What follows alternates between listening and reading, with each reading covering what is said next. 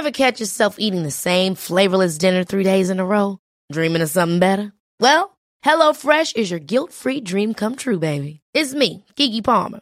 Let's wake up those taste buds with hot, juicy pecan-crusted chicken or garlic butter shrimp scampi. Mm. Hello Fresh. Stop dreaming of all the delicious possibilities and dig in at HelloFresh.com. Let's get this dinner party started. Since 2013, Bombas has donated over 100 million socks, underwear, and t shirts to those facing homelessness. If we counted those on air, this ad would last over 1,157 days. But if we counted the time it takes to make a donation possible, it would take just a few clicks. Because every time you make a purchase, Bombas donates an item to someone who needs it. Go to bombas.com slash ACAST and use code ACAST for 20% off your first purchase. That's bombas.com slash ACAST, code ACAST. Hey, it's Ryan Reynolds, and I'm here with Keith, co star of my upcoming film, If, only in theaters, May 17th. Do you want to tell people the big news? All right, I'll do it. Sign up now and you'll get unlimited for $15 a month and six months of Paramount Plus Essential Plan on us. Mintmobile.com slash switch. Upfront payment of $45 equivalent to $15 per month. Unlimited over 40 gigabytes per month. Face lower speeds. Videos at 480p. Active Mint customers by 531.24 get six months of Paramount Plus Essential Plan. Auto renews after six months. Offer ends May 31st, 2024. Separate Paramount Plus registration required. Terms and conditions apply if rated PG. Det här är Paparazzi. En podcast där vi går in på detaljer om kändiskvaller och populärkulturella nyheter. Ja, vi kommer att prata om allt vi vill veta och allt du inte ens visste att du ville veta om kändisar. Jag heter Max. Och jag heter Michelle. Jag tycker att det här gick Max. Nej men det här gick ju rakt åt helvete. Nu sitter vi här och är stressade, spelar in en gång till eftersom att vi eh, fuckade upp att spela in hemifrån. Mm, först, vi har redan spelat in det här avsnittet en gång. Vi har faktiskt inte fuckat upp innan. Jag tänker att det är en tidsfråga för alla poddare. Men det är tur att det ändå mm. hände just det här avsnittet. Därför jag eh, minns ingenting från förra. För att jag Nej, hade druckit du hade, två Du hade också sänkt en massa tequila. But I'm doing amazing now. Jag trodde jag var deprimerad men sen kom jag på att det bara är det att jag inte har uh, sminkat mig på en vecka. Men idag har jag sminkat mig men jag satt ändå på ett ja. café och grät så. Hur mår du? Jo tack, det är bra. Jag uh, har skrivit en tenta idag. Det är min nya brand om mm. du inte visste. Akademiker. Uh, long gone är den kåta bögjäveln som går på orger. Och istället är jag en wholesome akademiker. det, tror du att det kommer flyga bättre på köttmarknaden? Jag hoppas det. Vi får inte glömma personen som jag anmatchade för att han började döma mig och sa att jag var galen som hade orger och att jag bara var en kampig. Just det, du drog nog skämt om att du var ett kampig i podden. Ett, ett skämt jag någonstans kan förstå att man kanske inte eh, vill dejta någon Uppskattar. som skämtar om sådana saker i en podd. Eller nej, jag vet inte. Nej. Då har man ju bara tråkig humor, eller jag vet inte. Ja men jag tänker också det, eller så här, vad, vad jobbigt att man inte kan skilja humor från uh, verklighet. Little do they know att jag har ju aldrig, jag har ju aldrig svalt sperma. Så att jag är ju långt ifrån men... en fucking kampig. Ja, just det. Du, du är allergisk är eller vad? Jag är allergisk mot kuk också. Kul om ni inte visste det. Svullnar upp alltid. Anyways. Det är det, det är det roligaste när jag läser någon sms-konversation mellan dig och en kille du dejtar. Då du försöker via sms förklara varför du aldrig har sugit av honom. Och du bara, nej älskling, alltså jag är allergisk. Jag kan inte. Det är, det är sorgligt. Sorgligt men sant. En nyhet som har hänt som eh, vi inte hann ta med när vi spelade in det här avsnittet sist mm. är eh, Director Gate. Jag ja, kommer inte gud, gå alltså... in i för mycket detalj för vi vet typ inte så mycket men jag tycker ändå att det, det var lite intressant. Ja, jag, eh, jag måste bara säga en kort grej om det. Jag tycker mm. det är så intressant att se hur vissa klipp blir virala. Mm. Typ hur det verkligen tog över allas konton. Alltså mm. oavsett vilken typ av, för det började typ som ett kul klipp. när Ja, det började spridas. Jag tror inte han förväntade sig att det skulle bli viralt. Nej, och sen bara helt plötsligt började alla lägga ihop ett plus ett. Han är obviously känd, bla bla bla bla bla. Folk började kommentera. Nej, Jag tyckte bara det var intressant att se hur det fick sitt egna liv. Men det var för att det var så himla absurt. Det är då en Ja. skådespelare som heter Lucas Gage. Han är, är inte jättekänd men han var med i Euphoria och em, gör auditions för eh, andra roller just nu. Som man gör som skådespelare och tydligen så gör man det via Zoom numera. Ja, Ehm, och då var han med på någon slags audition där man hör, jag, som jag uppfattade så fattade inte regissören att Lucas Gage kunde höra honom. These poor people live in these tiny apartments. Like I'm looking at his, you know, background, and he's got his TV and and you know, Yeah, mute it. I know it's a shitty apartment. That's why give me this job so I can get a better one. All right. Um, ready? oh my god, I am so so sorry. No, it's Lucas. totally- li- Listen, I'm living in I'm a so sorry. I'm living in a four by four box. It's fine. Just give me the job and we'll be No, fine. I, I'm mortified. Exakt. Och det låter exakt som, och det är mer eller mindre bekräftat, att regissören sitter och småpratar med hon ifrån Mad Men, January Jones, och så säger han typ, och det är så deprimerande, man ser alla dessa skådisar i deras små fattiga små lägenheter. Och så står Lucas Gage där och hör det här. Och sen plockas ljudet upp och regissören fattar att Lucas är där. Och Lucas reagerar så snabbt, är så smart, skämtar om att japp, jag bor i en liten lägenhet, ge mig den här rollen så jag kan flytta någonstans trevligare. Precis. Och det här korta klippet lägger han ut på Instagram och folk eh, blir så här chockade för att hans lägenhet är stor och fin för det första. Alltså han har Ja. en, ett helt himla vardagsrum med tv Ja. och ehm, det ser ut att vara större än min lägenhet. I LA så är det där liksom svindyrt. Ah, Jag vet inte, bara det är så himla out of touch av regissören att tro att det där är en Precis. ful lägenhet.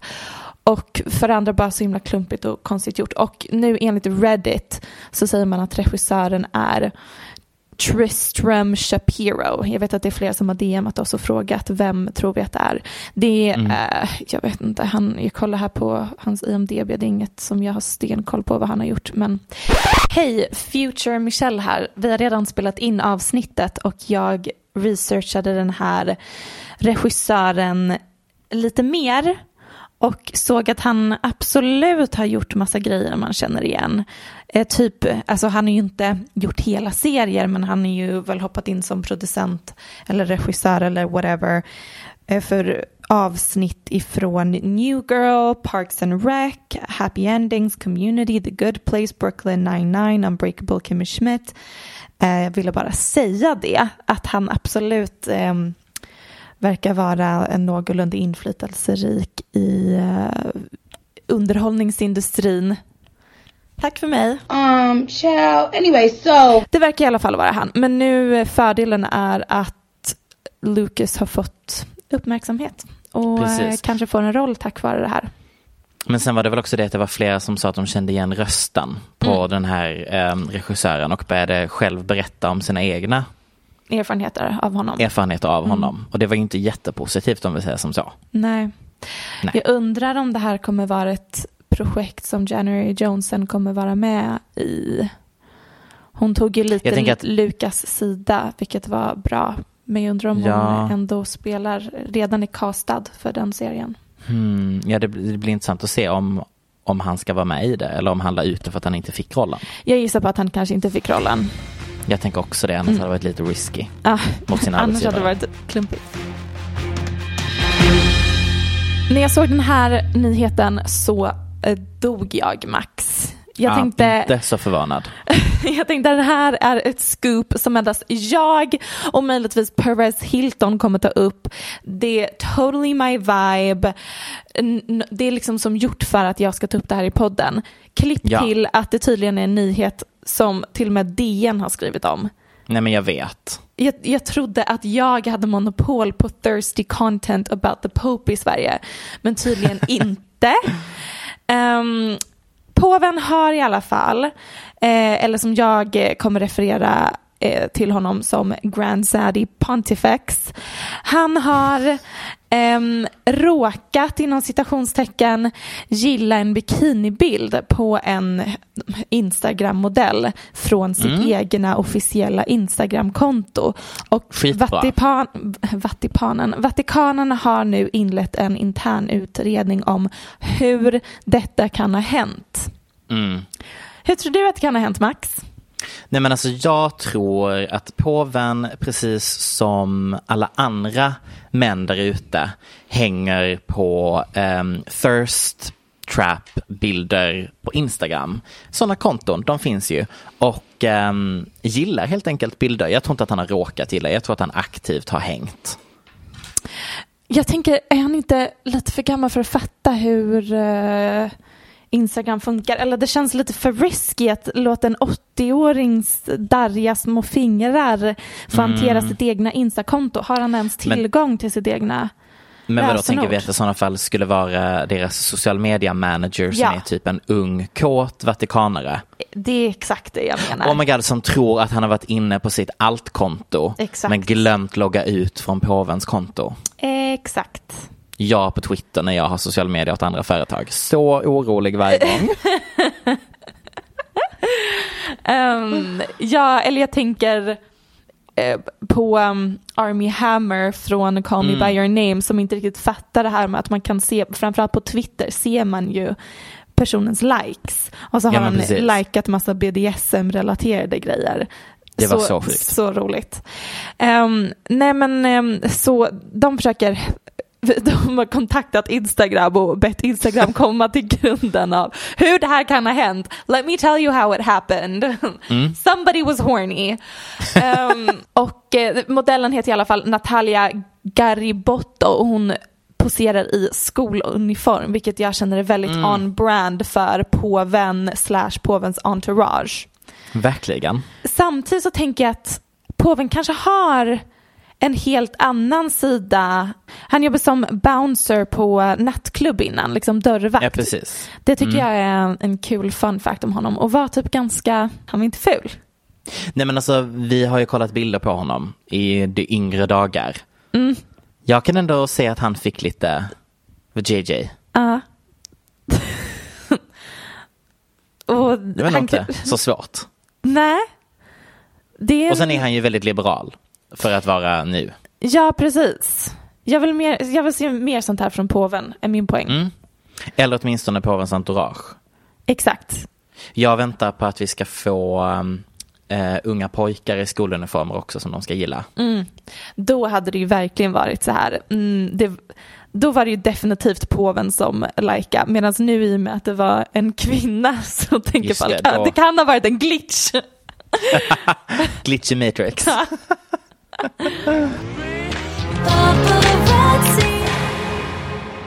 Harry Potter och De vises sten har biopremiär. Certified Sex Object, Shrek, stiftar bekantskap med Michelle Hallström. Microsoft Xbox lanseras. Shakira sjunger Whenever, wherever. Yes. Och en 18-årig kille vid namn Scott Disick sitter troligtvis på sitt pojkrum och kollar om och om igen på VHS-bandade uppträdandet av Britney Spears I'm a slave for you när hon dansar med ormen över axlarna medan han hetsrunkar under täcket. Och medan ehm, en av de snubbarna ifrån eh, Tiger King är med på scenen bakom Britney Spears. Mm, just det, glöm aldrig. Glöm aldrig. Ehm, då har ni bilden av var vi befinner oss i historien.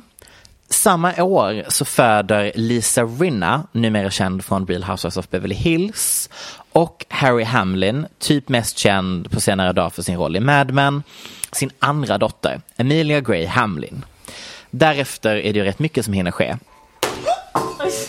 Sorry, jag, jag råkade välta en vas. Gick den sönder? Nej då. Det gick hur bra som helst. Jag skulle bara sätta mig på golvet. eh, fortsätt. Ja, Scott kommer ju fem år senare träffa en tjej vid namn Kourtney Kardashian på en Girls Gone Wild-fest i Mexiko. Åh, var det så Ehm. de träffades? Ja, Roligt. 2007 blir de ett kaotiskt par med hela världen eftersom att du har Keeping Up With The Kardashians premiär.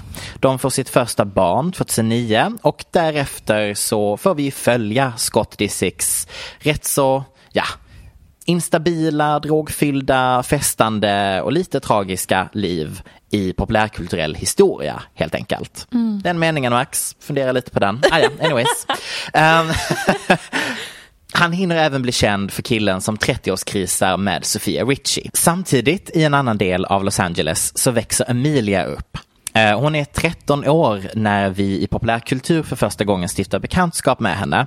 Och det är ju via mamma Lisa Rinna. Look who I matched with! You guys! What? Who did you match with? Who? Who is that? What?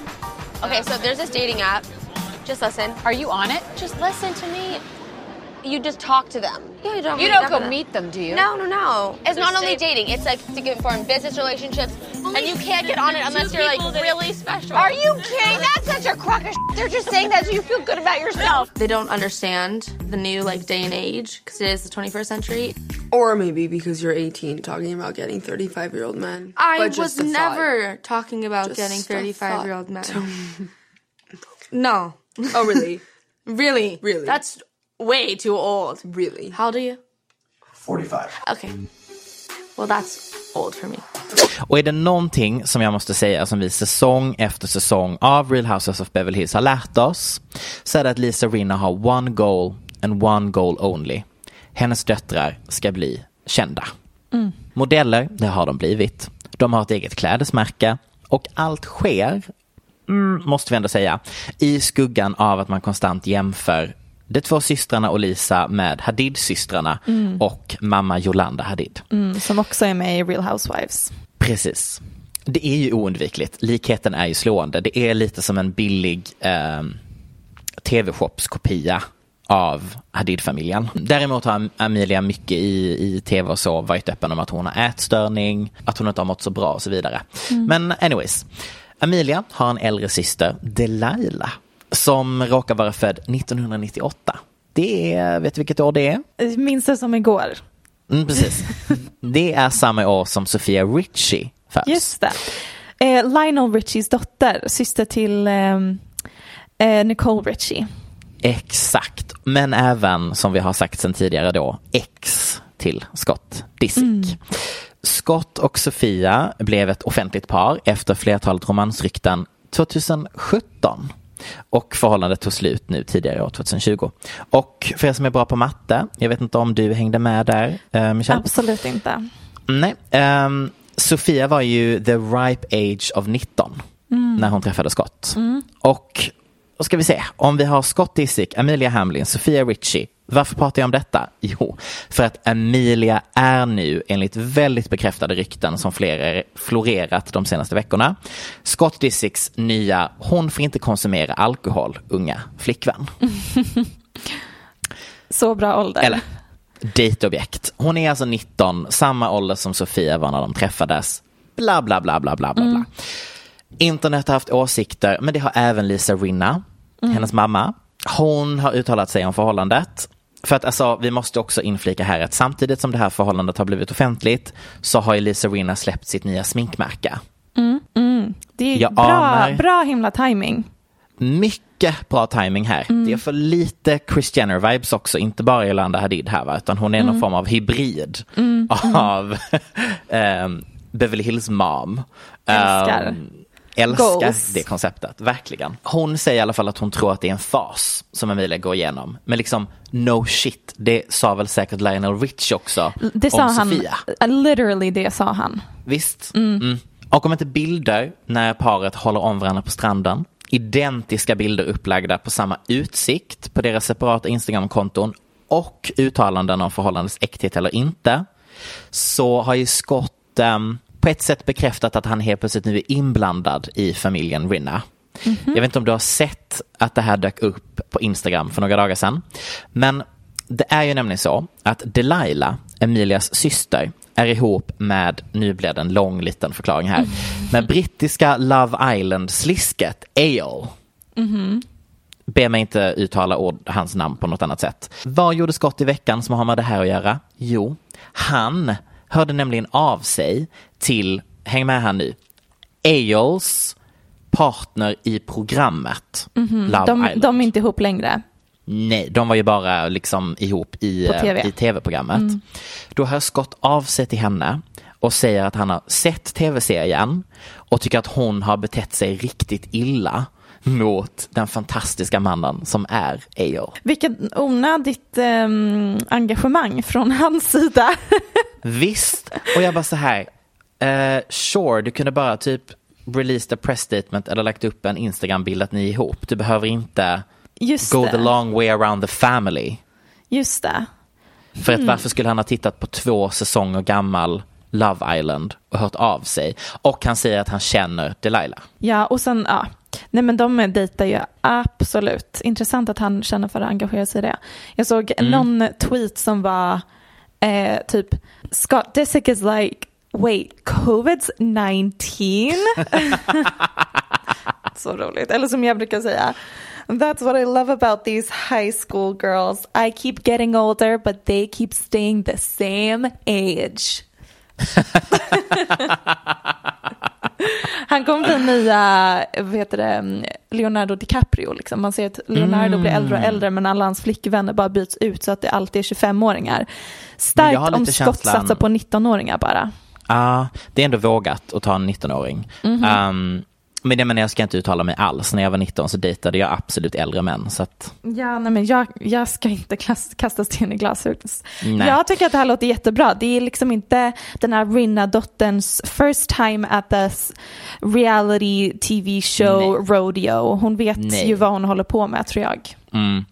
Jag tror ju absolut att om Kardashian, alltså Keeping Up with the Kardashian hade fortsatt Mm. så hade vi ju inte haft en situation som vi hade när Sofia dejtade för hon ville ju typ inte vara med. Det var Nej, ju precis. jättestelt. Amelia, nej men alltså jag får ju känslan av att de vill ha en eller Ja, ja, ja, ja, ja, så kommer det ju bli. För att det, det har ju Scott sagt själv, att Scott och Chloe var typ de enda som Mm. ville fortsätta spela in Keeping Up. Scott Precis. vill ju ha en, ett eget program nu med Ja. någon Rinna-dotter. Geni. Ah. Det, så kommer det Stötta. bli. Stötta. Älskar. Det blir en deep dive i konceptet pressboxes. Något Mm. kontot Friend of the Show de Moi har tagit upp i veckan. Och det tackar jag dem för, för det här är någonting jag tänkt på så många gånger. Jag har så många frågor. Får jag lov att fråga dig en fråga först? Ja. Hur klarar du av att ta dig igenom alla deras stories? För att Ja. min hjärna zonar ut när jag, har, när jag har tryckt 20 knappar åt höger och jag är typ en tredjedel igenom dagens posts. Ja, det är det jag tänker. När jag kollar på Kim Kardashians stories och ser att de här strecken som visar hur Ja, många bara- stories hon har lagt upp och de är verkligen bara så här små prickar och jag ser att jag har Mm. tagit mig igenom alla under dagen. Då tänker jag, hur mår jag egentligen? Ah. Vad, hur många gånger kan man se en Kardashian göra swatches med läppstift på sin arm? Ja, för det är inte som att deras content är så revolutionerande Nej, längre. varför tycker jag att det är intressant? Det är faktiskt en jättebra fråga. Men är det att det är lite familjärt? Jag tror helt ärligt att det är för att jag älskar eh, konsumtion. Alltså Ah. jag älskar saker och fina Mm. grejer och typ titta på smink. Alltså det är ju Ah. någonting meditativt över det. Um, jag vet Men det är inte meditativt att läsa alla mejlen som Demois får in. Mm, nice segway sir. Nej, precis. Eh, vi talar alltså om dessa tusentals pressutskick vi får vittna via Instagram stories varje dag. Ni vet. Mm. Ett företag, eh, eller oftast en kändis som gör en kollektion i samarbete med ett företag som skickar ut de mest absurda sakerna till andra kändisar med hoppet om att dessa kändisar ska visa upp alla prylar de har fått. Alternativt att de typ har på sig sina gratiskläder på stan och hamnar på en paparazzi-bild till exempel. Det var Mm. så det var mycket förr. En sak som jag tycker är svinkul, som egentligen är motsatsen till det här, när företag betalar kändisar för att inte ha på sig sina kläder. Just som eh, till exempel Abercrombie and Fitch som betalade Mike Sorrentino, a.k.a. The Situation från Jersey Shore, att sluta ha på sig sina kläder för att de ville inte associeras med honom. Det tycker jag är så roligt att det är så företag jobbar. Men det är ju lite samma som, jag vet inte om du såg det här klippet, att Louis Vuitton skickade Gucci väskor Mm. till Snooki, också Jersey Shore. Ja. För att hon skulle ha det istället för Louis Vuitton-väskor. För att göra att Nej. Gucci-märket skulle se billigare ut. Gud vad roligt. Så, Hur smart? gud, jag undrar verkligen om det är fler företag som gör så. Skickar gör det eh, fortfarande? ja, liksom deras konkurrenters kläder till trashiga Mm. kändisar. Gud vad roligt. Men samtidigt, ja, jag tror kanske inte att det riktigt hade funkat i dagens ekonomi. You know what I mean. Varför tror du inte att det hade funkat? Eftersom att nu bryr vi oss mer om influencers. Jag tänker att det finns inte så många trashiga influencers. Det skulle vara sådana fall om du skickar typ. Förlåt, Ja, det finns sant. det inte trashiga influencers? I mean- jag tror inte liksom att Versace, det. ja, jag tror inte Versace jättegärna vill att typ Black China bär deras kläder. Ehm, Alltså Versace är verkligen så kul vilka som använder det märket. Det är typ Black China och bögar. Nej, va?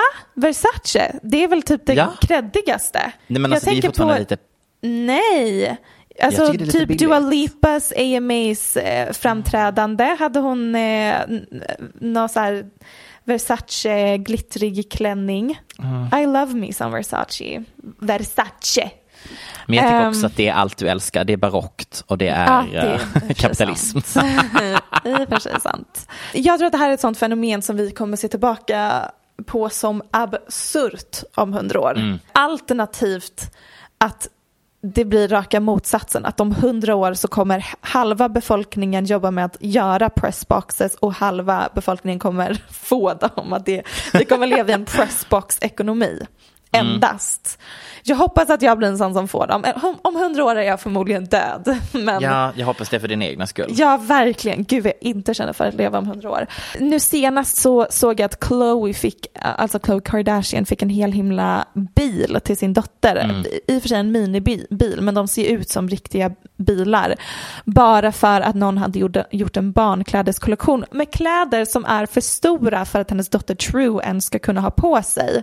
Så Ehm, oklart. bara för att de vill så här, kolla vi skickar en bil, nu kanske du vill instagramma något om vår nya klädeskollektion.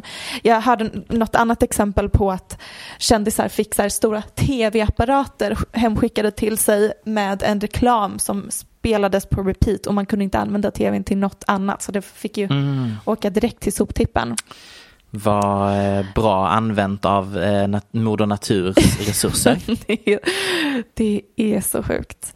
Jag är en Ehm, miljökämpe. Ja. Tydligen så Ja. brukade The Oscars eh, ha typ giftbags som alla kändisar fick ta med sig hem. Och de var värda alltså hundratusentals dollar.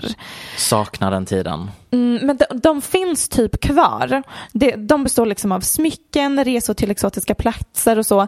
Men de blev så dyra att regeringen ville att de skulle börja skatta på dem och då slutar ju kändisarna att ha de här eh, påsarna. Så därför är det liksom inte lika stor grej längre. Men innan så var Nej. det liksom miljontals kronor.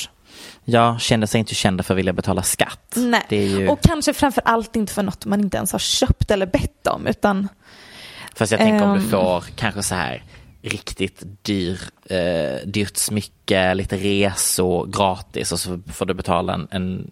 Ja. Jag tänker att Ja, det är fortfarande win-win. Ja. But sure. Du har en poäng. Enligt Tack. en person som följer Demois så har Kourtney Kardashian eh, hela rum som fylls med gratisprylar som hon sen ger bort till personal eller vänner. Och ja, det jag oroar mig mest för, det som provocerar mig mest är när jag ser Mm. att de får så mycket mat. Alltså framförallt konstigt. kakor och godis och stora himla tårtor som jag bara Ja. Det här, ni kan inte äta det här eller ni slänger, ni måste slänga det här. Alltså kakor, flera, flera stora himla tårtor varje dag slängs i varje kändishushåll. Nej, men Det- det är en modern Marie Antoinette framför våra ögon. Ja, verkligen. Um, och framförallt jag tänker kändisar som har barn. Hur gärna Ja. vill man ha alltså flera kilo specialdesignade godisar hemskickade till sitt hus som är liksom för snygga för att man ska bara slänga dem. Ja. Anyways, det här är något jag, jag, jag, jag brinner verkligen för det här. Alla tårtor som Kardashians får gratis.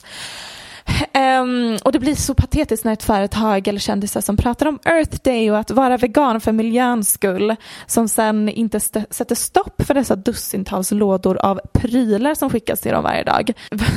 Såklart att det är absurt. Ja. Och sen tycker jag att det är också intressant när det blir som en mean girls statusgrej.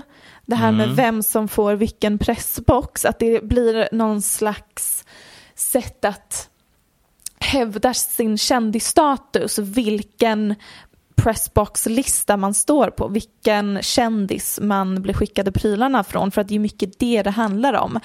Mm. Eh, om man är tillräckligt cool för att hamna på den presslistan, då vill man ju visa upp det och skryta om det. Jag tänker om gången eh, när Kim skulle skicka ut någon parfym och typ la upp på sin story vem hon kommer skicka den till och så hade hon liksom kurerat en lista med alla it girls eh, som skulle få en viss parfym eh, till alla hennes vänner och sen en annan lista med en annan färg som hon hade skrivit om med, med alla hon hade bråkat med, eller liksom sina haters, typ Taylor Swift, Chloe Grace Moretz, Sarah Michelle Gellar och så vidare. Och det här blev ju viralt, så här. Kim Kardashian Precis. skickar pressboxes till alla sina haters. Vilket känns så moget att göra som 40-åring. Och sen det pressutskick med högst status, det är säga att det här poängen med pressutskick verkligen mm. har lyckats med att det ska bli liksom status är eh, Beyoncés Ivy Park-kollektion, i alla fall första omgången. Då var det blev då de, de liksom... garderober eller? Ja, det har de typ fått andra gången också. Men första gången var det ju verkligen så här, vem kommer få, eh, står på Beyoncés pressbox-utskick. Uh -huh. Och när de fick den här garderoben skickad till sig så gjorde de ju långa himla videos och la upp i sitt flöde, inte bara så här någon story om att thank you Beyoncé, this is amazing, utan de byggde vidare och skapade som egna små reklamkampanjer bara för att visa upp att de fick Beyoncés mm. pressbox. Och då spred det sig massa rykten om att Kim inte står på listan och Kim inte fått kläder av Beyoncé. Um, och sen några veckor senare så lägger Kim upp en story, story typ att Eh, ursäkta att jag är några dagar sen, men eh, tack så jättemycket Beyoncé och så la hon upp några bilder när hon hade på sig kläderna. Men då gick det ju rykten om att Kim hade typ kontaktat Beyoncés pressteam eller att hon mm. hade fått utskicket av någon annan kändis. Jag, vet inte, jag tror inte riktigt något på det. Jag tror att det där bara folk vill skapa någon slags narrativ om att Kim och Beyoncé hatar varandra. Ja. Um, men um, det är en, en fascinerande det är en så konstig aspekt av vår samtida kändiskultur. Ja, jag känner också lite typ med Ivy Park hur lyckad den kampanjen var. Uh. Därför att man får inte glömma att Ivy Park innan det pressutskickat mm. fanns ju som mm. märke och tillhörde ju Topshop. Just det. Och var ju liksom det. en dual thing mm. mellan Topshop och Beyoncé. Och mm hade liksom ändå funnits ett par år mm. utan att hon egentligen la så mycket energi på det. Mm. Och sen när hon köpte ut märket från Topshop, mm. det var ju då hennes första egna kollektion. Precis. Då, eller då gjorde hon det först liksom. i samarbete med Adidas. Nu har hon gjort det första gången Just utan det. samarbete med någon tror jag. Men det stämmer, innan var det så här mm. Topshop inte lika exklusivt. Och sen Exakt. lyckades hon bygga upp, och som ni alla vet, jag tar en kula för Beyoncé. Men när det kommer till hennes kläder. Nej, men. Hur, vad, varför är, var, vad, vad är det som är fel på hennes stil? Alltså menar du märket Ivy Park eller Nej, menar du hon allt. Alltså när jag ser hennes kläder, jag bara what's going on here? Alltså det, jag ja. förstår det inte. Alltså det är inte, Nej. absolut, hade Rihanna haft på sig det hade hon säkert burit upp det och fått det att se supertrendigt ut. Men när jag ser mm. Beyoncé ha på sig det så tänker jag det här känns inte coolt typ. Nej, för sen så tyckte jag också det var väldigt kul när den första kollektionen släpptes. Hur alla bara, ja men vad kul att hon har tagit uniformen och färgen från den här matvarukedjan som finns i England, Sainsbury. Just det. Det är rakt av, det är ju det, alltså det är ju deras ja. arbetskläder. Det är som att de har tagit, du vet den färgpipetten ja. på datorn och bara copy-pastat de två färgerna och bara this is my, Beyoncé har vibe. inte varit i en Sainsbury's, let Nej, me tell you. Inte. Men kusligt lika Ja. kan vi säga i alla fall. Och jag har för mig att den andra kollektionen nu, de bara, ah, nu har hon varit på Marks Spencers istället för shoppat. För det är exakt samma. samma gröna färg. Ja, nej, alltså hennes kläder, bless her. Beyoncé, Mm. if you want to send me a press box, you're welcome to. Ja, ja. Men också, din legacy är kanske inte ditt inflytande på modebranschen, men trots det lyckas du göra typ de enda, de mest eftertraktade pressboxes Mm. i i 2020, vilket ändå, det är ändå Stöttar. eh, starkt. Jensed-journalisten Max Lysell är tillbaka.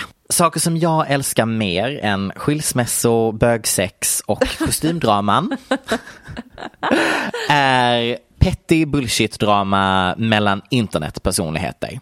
Underbart. Beauty-guruvärlden har ju ändå gett oss några, som jag tycker är åtminstone saftiga historier eh, den senaste tiden. Jag vet inte om du känner samma?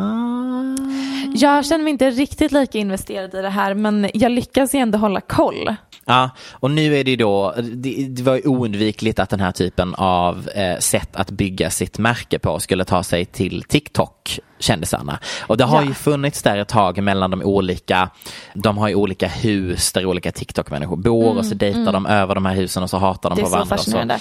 Alltså Ja. TikTok-generationen och TikTok-kändisar är verkligen som att de har tagit klassiska kändisar och hur de bygger Mm. sina varumärken och eh, tagit det men superkoncentrerat. Ja, alltså de, och det tror jag att det är för att dagens ungdom fattar typ mer hur man skapar buzz, hur man är provocerande Mm. i medier och eh, de har ett helt annat tänk. Så när de har ett Ja. möte med en eh, agent så har de en mer öppen dialog med så här, jag vill bli viral och gör vad som helst för att bli det. Jag tror inte Precis. riktigt att kändisar sa så till sin agent för 20 år sedan.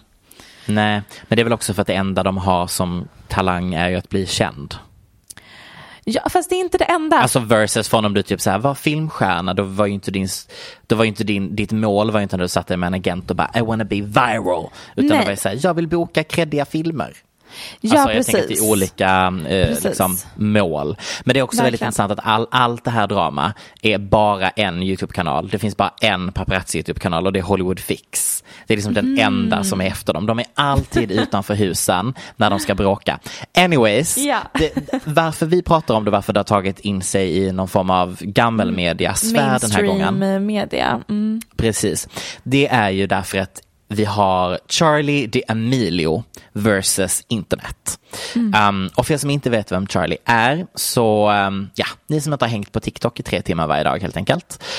Hon, nu ska vi se, när jag skrev det här när vi pratade om detta sist så tror jag att hon hade lite mindre följare. Mm, att, hon, eh, har- hon har nått 100 miljoner nu. Ja, det har Också intressant att hon har fått det efter eh, det här dramat, vilket kind of proves some type of point att eh, all PR är bra PR. Och det var väl lite det vi skulle prata om innan, att hon hade ju då, när allt detta hände och internet var emot henne så tappade hon cirka en miljon följare Mm. på typ ett dygn. Men eh, She fick dem som avföljde henne för att det ersattes clearly av Mm, x antal nya följare. Hon är mest känd i alla fall för att dansa på Ja, klassisk TikTok, eh, Klassisk TikTok tråkigt content och hon är den mest följda på TikTok. Precis, och jag tänkte lite så här, ja varför är det, alltså det är inte konstigt, det är verkligen, det är samma typ av content som alla skapare skapar. Och hon var en av de första som följde Mm. med från appen, gick från Musical.ly till TikTok. Mm. Du kan lika gärna följa personen som gör dansen först istället för att följa alla andra tio Ja. kopior. Mm. Hens varför typ alla användare cirkulerar kring hennes konto. Mm. Min take på varför hon är så stor. Anyways, det som dock har hänt henne, som många andra internetkändisar kunde berättat för henne, är ju att har du en sån mäktig position så är det ju inte bara mysiga brand deals, stora lyxiga villor som du köper och oändlig growth som hänger ihop eh, med att hänga på internet. Och detta fick hon ju uppleva nu här förra veckan då hon helt enkelt blev cancelled. Och då kanske ni som lyssnar tänker, "Ah, vad gjorde hon för något hemskt? Hon skämtar om sitt följarantal och gör lite fula miner till äcklig mat. ja. Ja. Jag kanske ska break it down lite mer för Ja, det var ju lite mer som hände. Ja. På YouTube så har Charlie och hennes familj en YouTube-kanal och detta har ju vi pratat om innan lite off mic att det är väl deras försök att göra Jag tror att de försöker bli nästa Kardashians. Precis Eh, hon har en kombo med syster. typ Red Table Talk. Ja, exakt. De försöker bli Mm. Nästa, antingen eh, Smith-familj, Kardashian-familj. De vill väl ha Mm. någon slags reality show. Hon har en syster, en mamma och pappa. Och nu har de Precis. skaffat en YouTube-kanal där de försöker göra sin egna form av talkshow. Och då är det att de ska sitta och äta tillsammans och så har de en hemlig gäst och så är det deras personliga kock som lagar mat till dem. Mm. Och i det här klippet som då lades upp så är det James Charles som gästar vilket gör att Ja, de kommer prata om till exempel följare och milstolpar inom Mm. sociala medier. Mm. Och då uttrycker ju Charlie en, ehm, ja men hon skämtar väl lite och säger att hon hade hoppats på att hon skulle ha nått 100 miljoner innan det hade gått ett år Mm. efter att hon joinade TikTok. Mm. Och det tyckte ju folk var groteskt Eller att bortskämt eller drygt Bortskämt eller liksom. Mm. Precis. Men sen är det också att hennes syster, de blir ju då serverade en, hur sa vi nu? Paella. Paella. Men Paella. det talar inte L1. Nej, Kära vän. paella. Ja. Med sniglar på. Just det. Ja, och det tycker inte hennes syster om, vilket gör att systern spyr. De gör lite fula miner och, och klöks. Och... Men alltså de ser ut Ja. som två lite dryga bortskämda 16-åringar runt middagsbordet. De är liksom inga Precis. talkshow-hosts. Nej, och det kan man ju tänka hade vi kunnat gissa. Och speciellt när Charlie säger att hon helst hade velat bli serverad chicken nuggets. Just det, Jag menar- framför kocken Ja, som har lagat en måltid. Hon bara, har vi inte chicken nuggets istället? Lite Men otrevligt. Lite, att, ja, men lite otrevligt men också hur fan var man själv när man var 16? Ja, nej förmodligen. Ja, Ja, kanske lite trevligare än så. ja lite men, eh, trevligare hoppas jag. Men det som händer då i alla fall är att internet, de säger she's cancelled, hon är bortskämd, hon är privilegierad, bla bla bla bla bla bla bla. Och då kastar ju James Charles in sig själv i den här debatten. Dels för att han obviously är med i klippet, men han är ju bra på konceptet offerkofta och att mjölka uppmärksamhet Ja. när det finns är någonstans på internet. Han luktar sig till dessa situationer. Och då twittrar han helt enkelt. Den här Charlie-situationen känns inte rätt. 100 miljoner följare på ett år och ni förväntar er att hon vet hur man är en perfect role model. Dödshot för att hon är en kräsen person och skämtar om en milstolpe. 30-plussare som pratar skit om någon som är halva deras ålder. Känner igen detta. Just det, för att han har ju själv blivit cancelled i flera sammanhang. Precis, och det är väl alltså det han han hänvisar till två, två 30-plussare i den här tweeten på ett sätt. Mm. Dels så är det ju hans, hans gamla situation med eh, Tati Westbrook, 30-plussare, cancelled, Mm. bla bla bla. Och sen är det Trisha Paytas som ju är the OG of the OG av att bli cancelled varannan vecka. Hon har byggt hela sitt varumärke på att bli cancelled. Ja men alltså full on nudity Onlyfans, cancelled för att hon håller på, eh, är hon inte, hon, hon är trans och sen är hon eh, vit kvinna med svart kvinna i sig. Eh, nej men alltså snälla rara, hon gör allt som hon vet funkar för att folk ska ehm, följa henne eller konsumera hennes content helt Mm. enkelt. Och det är det som händer här som jag tycker blir så fel. För att det är fruktansvärt att en 16-årig tjej helt plötsligt typ står och filmar sig själv när hon gråter och säger att hon typ inte vill vara kvar på plattformen för att hon får dödshot och hon liksom så här vet inte hur hon ska hantera det och att hon blir cancelled för en sån här liten grej. Men Istället så kommer den här gamla gardet som är så vana vid att det är så här du liksom blir viral och hoppar på det här tåget. Just det, för de vill vara med i vinklar. det. Mm. Exakt, alltså det blir så himla den här klassikern liksom, ja men eh, Jeffree Star, James Mm. Charles, Sean, eh, Trisha, Mm. alltså alla de här YouTube-människorna. 30 plus. Eh, Men de är väl typ alla 30 plus också? Dinosaurier i gamet, vilket är att bara skapa onödigt drama som gör att man tappar följare men eh, också ökar följare för att man håller sig relevant och en, Precis. man ser till att man är en snackis. Det alltid händer saker Mm. runt om. Alltså jag tänker att det här är, i och med att den här familjen vill bli nästa Kardashian så har de sagt till eh, deras agent eller PR-ansvarig att vad ni än kan ta från premiären av vår nya talkshow och skapa rubriker och skapa drama, gör det. Take whatever you can and run with it. Och tyvärr var det liksom ganska tråkigt. Och Ja. det roligaste som hände, eller det enda liksom man kan skriva rubriker om är att dessa systrar var bortskämda. Och att bli cancelled är typ som dagens version av att släppa en sextape.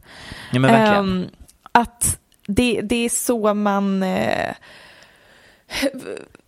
genererar något slags snack kring sig. Man, man tar någon slags risk, man gör något eh, utelämnande eller vad det heter och ehm, i slutändan så har hon ju fått fler följare Ja. på um, kuppen. Så hon är 16 Ja, ja. år och släppt sin första sextape. Grattis Charlie! Nej men verkligen grattis. En liten fortsättning i eh, historien som är Taylor Swift eh, kämpar för att få sina masters, eller gör hon verkligen det? Frågetecken. Ah. Tveksamt va? Det är ju en annan person som också har lärt sig att använda en offerkofta för att få uh, Det är ståndpunkten många tar. Kanske inte hennes fans som nu stänger av vår Mm. Podd skulle säga det. Jag måste säga att jag, jag vet att vi har varit Jag är någonstans lite. Mm. precis, vi har varit lite anti, men jag tycker ändå att jag är ganska opartisk. Ja, men jag tycker också att jag är opartisk. Ja, Jag, blev, jag gick ju från att vara anti till att se dokumentären och bara I love Taylor, I Ja. feel so sorry. Jag vet inte. Du var inte lika såld. Jag har nog äh, varit Schweiz hela tiden, nej kanske inte, Ja. jag vet inte. Klipp till att vi klipper in så gamla saker jag sagt om Taylor Swift som inte alls är neutralt. Utan, ja. I alla fall, ehm, det här har vi förklarat flera gånger innan men jag tar det en gång till just för att man glömmer lätt vad bakgrunden Ja. är. Taylor var signad till Borchettas skivbolag Big Machine. Hon signade med dem när hon liksom var tonåring och innan hon Mhm. hade slagit.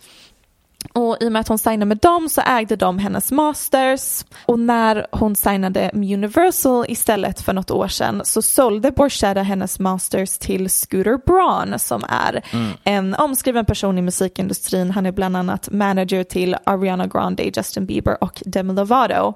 Och det var bland annat han som introducerade Ariana till Pete Davidson samt Demi till Max Eric.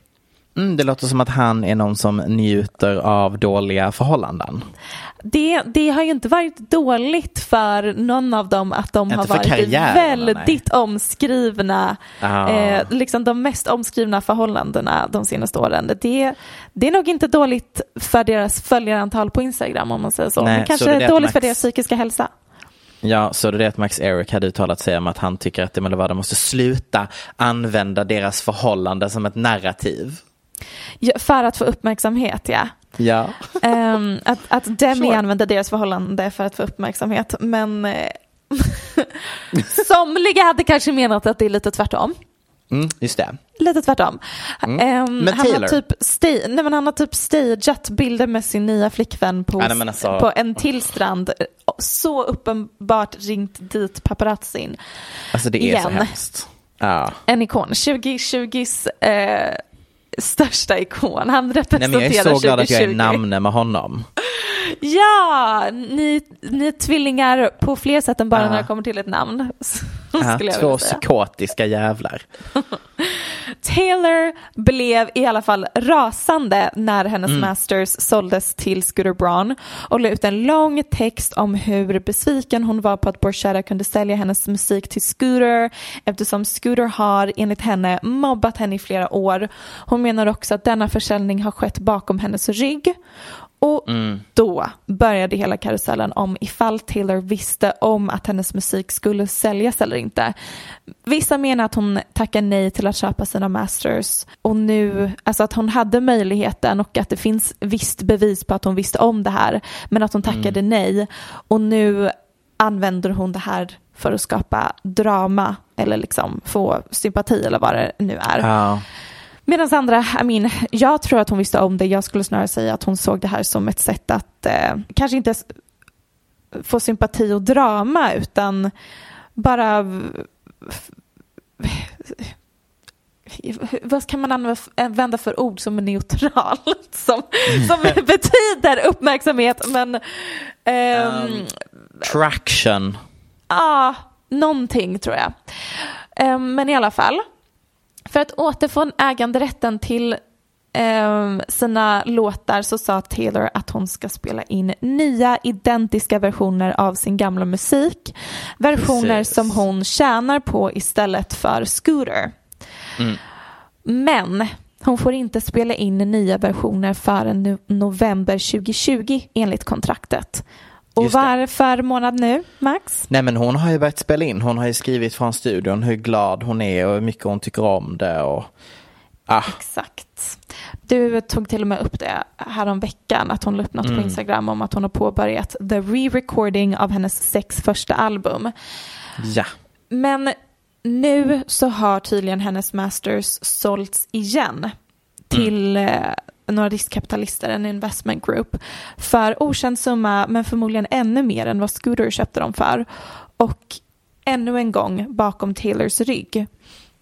Men sen att efter försäljningen så kontaktade de nya köparna Taylor och hon var ändå så här öppen för något slags samarbete men Precis. när hon fick reda på att Scooter fortfarande kommer tjäna en slant på hennes masters några år framöver då blev hon helt ointresserad av ett samarbete. Jag fattar inte varför man har sålt vidare. Vem köper en produkt som håller på att bli alltså onödig? Ja, jag undrar också lite om hur de här investerarna tänker. Om hon liksom återinspelar sex album, kommer de plocka mm. bort de andra sex från Spotify då och lägga upp hennes nya? Like, jag, tror de, jag tror inte att de plockar bort dem från Spotify. Jag tror att det kommer, båda versioner kommer finnas på Spotify, men i och med att Taylor har varit så um, vocal om det här. Hon har pratat om det så mycket och gjort Precis. det till en så stor grej och hon har en så stor och dedikerad fanbase så kommer ju de streama hennes nya, nya. inspelningar. Mm. Vilket är lite det jag tänker. Först så tänker jag um, Gud vad konstigt att det finns nya investerare som vill köpa det här när hon mm. har varit så öppen med att hon kommer spela in nya versioner och att hennes gamla masters då inte har något värde längre. Vi vet i och för sig inte hur mycket de har köpt det för. De kanske har liksom köpt det för en jättebillig summa, det vet vi faktiskt inte. Men mm. det jag tycker är intressant är att hon har gjort hon har tagit varje tillfälle hon kan, till exempel nu la hon upp någon video när det var American Music Awards. Mm. Då hon mm. tackade för något pris sa tyvärr kan jag inte komma ikväll. Därför jag är i studion och spelar in en ny version, nya masters av min gamla musik som precis, jag ser så precis. mycket fram emot. Alltså det här är ett sätt för henne att tjäna jättemycket extra ja. pengar. Hade ja. hon köpt upp sina masters eller samarbetat med de här nya investerarna på något vis och fått en slant via hennes masters så går ju inte det att jämföra med hur mycket hon kommer tjäna nu genom att spela in sin musik från scratch Nej, eh, och tjäna allt på sina gamla, ja, de, det här det nya. Ska, nej precis, för det ska vi också understryka att det är inte som att hon inte tjänar några pengar på sina masters. Hennes gamla? Ja, hon tjänar Nej, pengar på dem fortfarande. Precis, det är bara det att hon äger, äger rättigheten mm. till dem. Exakt. Mm. Så att även om du, alltså det är inte, alltså, hon, hon, får fortfarande pengar, kom, nu kommer hon få pengar från alla håll. Hon kommer mm. dels få den vanliga liksom, delen på sin master och sen kommer hon få 100% på det hon spelar in på nytt nu. Eller inte 100 mm. men mer för att hon kommer ja. äga rättigheter till det. Det är komplext och det här är varför jag tycker att musikindustrin är så spännande men också Verkligen. varför den är så jävla fakt på så många mm. plan. Och att Taylor är en intressant person att följa i det för att hon är smart, hon vet mm. vad hon mm. gör.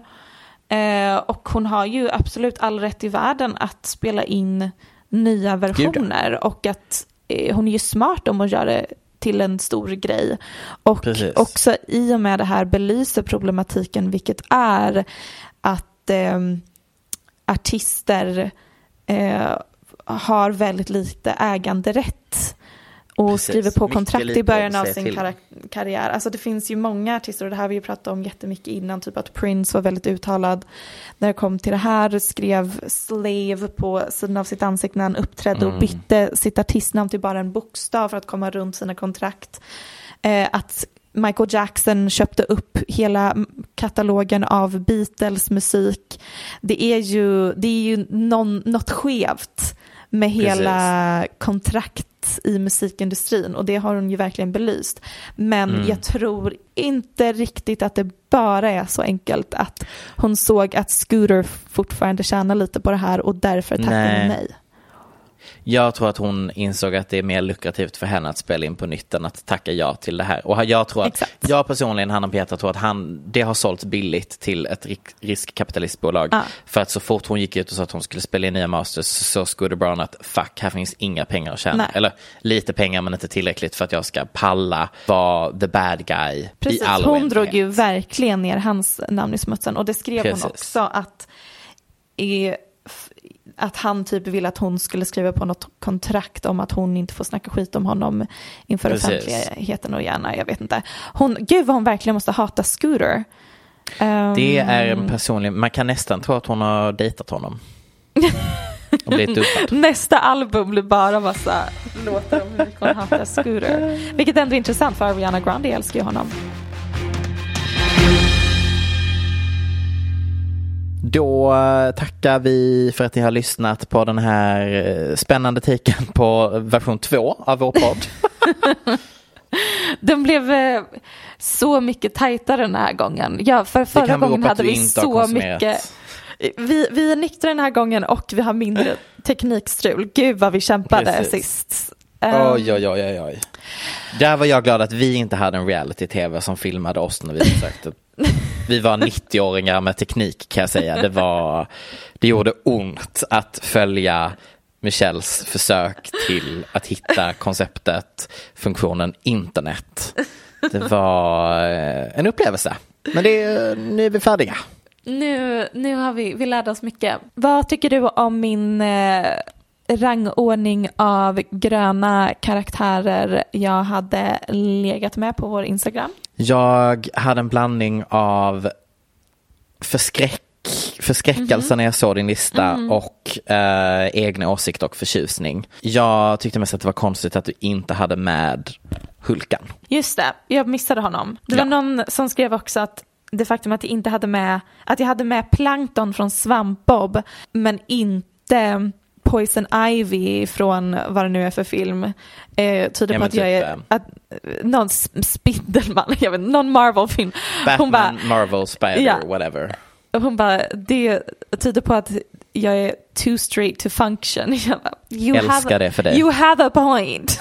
Älskar det för dig. jag då eh, la upp väldigt mycket an, angående eh, Kylie Jenners kollektion, Ja. sminkkollektion inför Grinchen-filmen. Någonting jag brinner för, TBH. Jag Vi- undrar hur mycket de har investerat i varandra där alltså. Ja, men alltså, jag tänker att Kardashians måste vara investerade i självaste filmen Musikalen. på något vis. Ja, precis. Ja, eh, something's going on there. För att Kylie Ja. har aldrig varit så exalterad över en sminkkollektion Över som den här barnfilms sminkkollektionen. Sjukaste. Um, om en, ett, ett grönt litet troll. Man följer oss på eh, Paparazzi-podden på Instagram och ni lyssnar på oss på Aftonbladet en vecka i förväg och sen eh, annars så finns vi i vanliga flödet överallt en Ja. vecka efter. Tack för oss!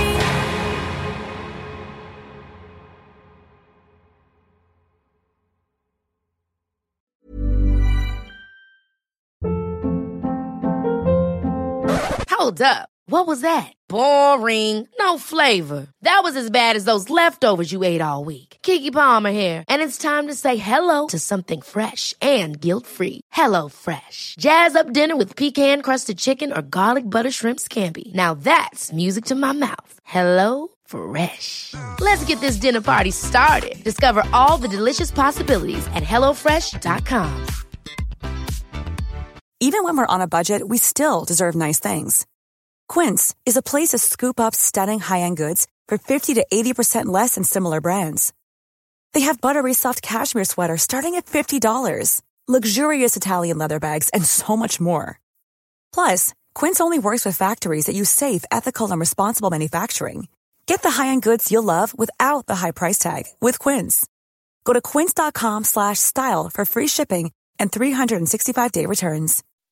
When you make decisions for your company, you look for the no-brainers. If you have a lot of mailing to do, stamps.com is the ultimate no-brainer. Use the stamps.com mobile app to mail everything you need to keep your business running with up to 89% off USPS and UPS. Make the same no-brainer decision as over 1 million other businesses with stamps.com. Use code PROGRAM for a special offer. That's stamps.com, code PROGRAM.